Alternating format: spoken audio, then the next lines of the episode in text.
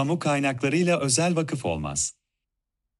Erdoğan ailesi de bu vakıflar ile ilgili olarak özel bir hesap peşinde değilse, iktidardan düştüklerinde vakıfların yönetimini seçilmiş kamu yöneticilerine ya da doğrudan doğruya Vakıflar Genel Müdürlüğü'nün yönetimine devredeceklerini taahhüt etmelidir.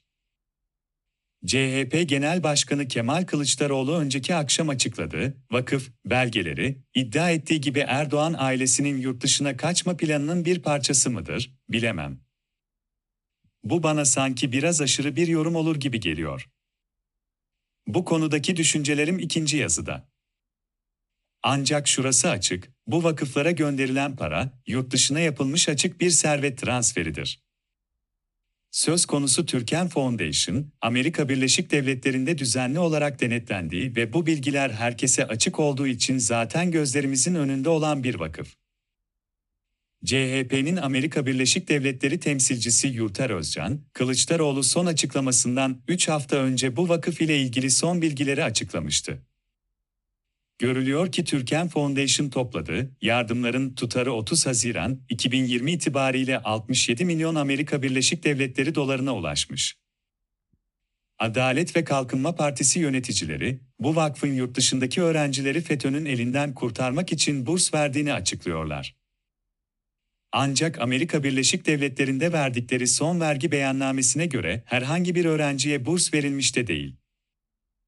Bu vakfın boksör Muhammed Ali'nin çiftliğini satın aldığını ve New York Manhattan'da lüks bir gökdelen yaptığını da biliyoruz.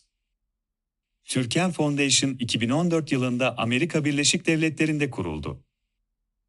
Ensar ve Türgev'in ortak kuruluşu. Bu vakfın kurucuları arasında Recep Tayyip Erdoğan'ın oğlu Bilal Erdoğan da var.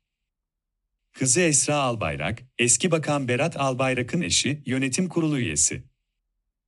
Bu vakıf, Erdoğan ailesinin sahip olduğu servette kurulmuş değil. Büyük ölçüde kamu ile iş yapan iş adamlarının yardımlarından oluşuyor.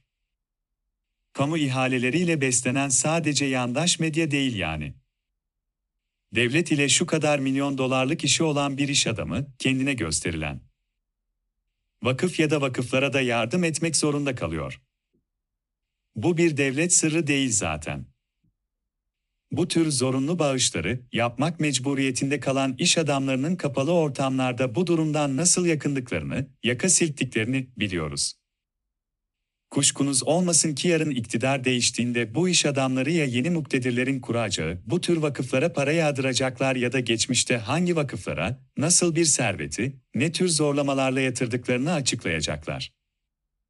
Hatta belki hatırlarsınız, belli bir rakamı getirip teslim etmeyen bir iş adamının kucağa nasıl oturtulacağı ile ilgili bir telefon kaydı da bir dönem kulaktan kulağa yayılmıştı. Mesela Başkent Gaz, Kızılay üzerinden Ensar aracılığıyla Amerika Birleşik Devletleri'ndeki vakfa 8 milyon dolar bağışlamıştı. Bir özel şirket, bir vakfa bağış yapıyor ama bu bağış önce Kızılay'a oradan Ensar'a oradan Türkiye'ne gidiyor.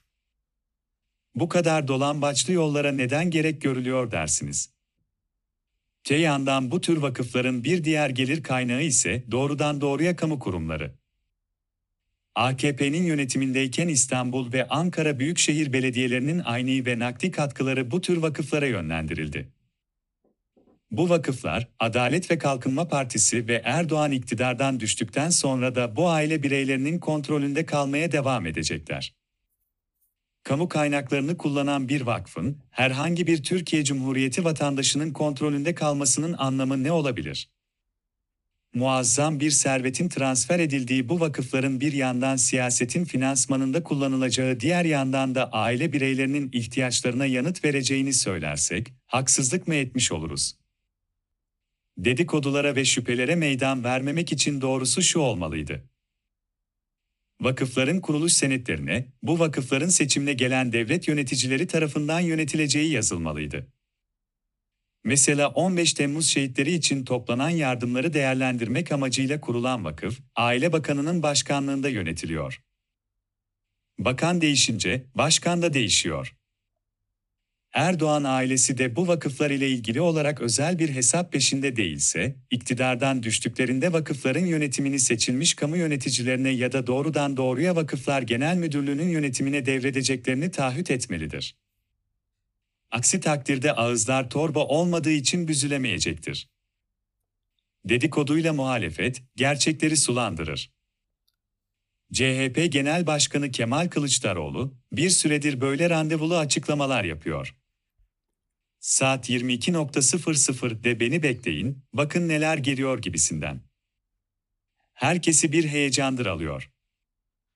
Ancak ben artık o kadar da heyecanlanmıyorum. Zahmet edip Netflix'ten çıkıp Halk TV'yi açmıyorum. Çünkü artık biliyorum ki Kemal Bey'in bu randevulu açıklamalarını zaten önceden biliyoruz. Kemal Bey, somut olaylar üzerine kendi yorumunu ekleyip, eski bilgilerle yeni bir açıklama yapıyor. Önceki günde böyle oldu. Evet, kamu kaynaklarıyla kurulmuş vakıflar aracılığıyla gerek yurt dışında gerekse yurt içinde Erdoğan ailesinin yönetimine milyonlarca dolar tutarında bağışlar yapılıyor. Bu bağışlar, başımın gözümün sadakası olsun, kıvamında bağışlar da değil. Milyonlarca dolardan söz ediyoruz ve tesadüf bu ya bu bağışları yapanlar da kamu kaynaklarıyla beslenen girişimciler. Bundan amiyane tabirle kıllanmak normal. Durduk yerde niye birileri, bu ülkeyi yöneten bir insanın çocukları olmak dışında hiçbir vasıfları olmayan birilerinin kurduğu vakıflara bu paraları yağdırsınlar? Ancak bundan Kemal Kılıçdaroğlu yaptığı çıkarımlar yapılabilir mi? Hiç sanmıyorum. Erdoğan ailesi, yurt dışına kaçacağı için vakıflara para aktarıyorlar, iddiası bir varsayım.